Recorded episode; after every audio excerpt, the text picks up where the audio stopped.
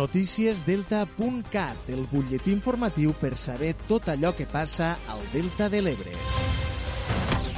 El ple municipal de Deltebre ha aprovat este dimecres a la nit i tal com ja s'ha explicat la creació de l'Escola Municipal d'Escolarització i les bases de convocatòria del Premi Literari Terra de Fang que enguany arriba a la 25a edició i que inclou novetats com l'elecció d'un jurat professionalitzat i la publicació per part de l'editorial Onada de les obres guanyadores del Premi de Narrativa Breu i del Premi de Poesia. Al ple es va aprovar també la zonificació de la preinscripció escolar. A Deltebre hi ha 96 infants empadronats nascuts l'any 2019 i que han de començar P3 el pròxim curs. A l'escola Riumar hi haurà una línia amb 20 alumnes i la zonificació inclou des de la cooperativa de vivendes fins al carrer Estació i Sant Pere. A l'escola Sant Miquel li corresponen dos línies de 21 i 22 alumnes des del límit del carrer Estació fins a Goles de l'Ebre, carrer Antoni Gaudí, Avinguda Esportiva i Avinguda Generalitat. I a l'Escola Assumpció li corresponen també dos línies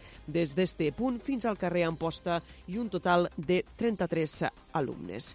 Al torn d'informes d'alcaldia, el govern municipal va aprofitar el ple del mes de febrer per explicar quina és la situació a l'Escola Municipal de Música i al Centre Esportiu del Delta, després que des dels grups de l'oposició s'hagi demanat explicacions d'alguns endarreriments en el pagament de nòmines per part de les entitats o empreses gestores del servei. En el cas de l'Escola de Música, el govern insisteix que s'està analitzant amb l'espigador la viabilitat de l'escola després d'un context de pandèmia pandèmia i de pèrdua d'alumnat. I en el cas del centre esportiu s'ha requerit documentació a l'empresa per tal de fiscalitzar el seu funcionament. Segons va explicar al ple el portaveu del PSC, Aleix Ferrer, en el cas del centre esportiu han rebut queixes perquè els treballadors estan fent més hores del que es reflexa a la nòmina. L'alcalde, però, va advertir que l'Ajuntament no pot entrar en qüestions salarials de les empreses adjudicatàries. Escoltem-los els dos. La preocupació que ens van fer arribar era que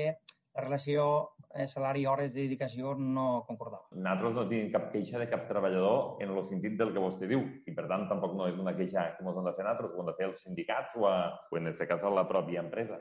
Nosaltres, al final, contractem un servei. No anem a vigilar si fan més hores de les que estan contractats. Això no és feina de l'Ajuntament.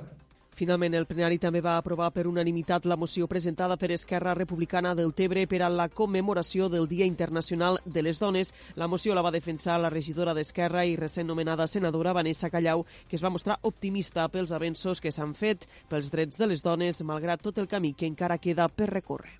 Lo que, una de les coses que m'impacta més és que sí, cada any el 8 de març és, és una data d'homenatge, no? de reivindicacions de, de moviments, a favor dels drets de la dona, per acabar amb les desigualtats, però al mateix moment també penso que des d'aquell any, aquell 8 de març del 1857, quan les primeres dones van a començar en aquest moviment de reivindicació, un seguit de treballadores del món del tèxtil a Nova York, que va ser allà on va començar tot el que és aquest moviment de reivindicació per millores de condicions salarials. I veig al moment que estem ara, la veritat és que estem veient que hem donat un, un salt molt gran i encara un últim apunt, l'Aleví del Club de Futbol Camarles i el jugador Adrià Ferrer han estat premiats a la cinquena gala solidària de la Federació Catalana de Futbol. Han rebut el Premi a l'Ètica Esportiva i el Joc Net. Adrià Ferrer pateix distròfia muscular congènita i és un membre més de l'equip que prioritza el companyerisme als resultats. Així acabem més informació, com sempre, a través del portal deltacat.cat.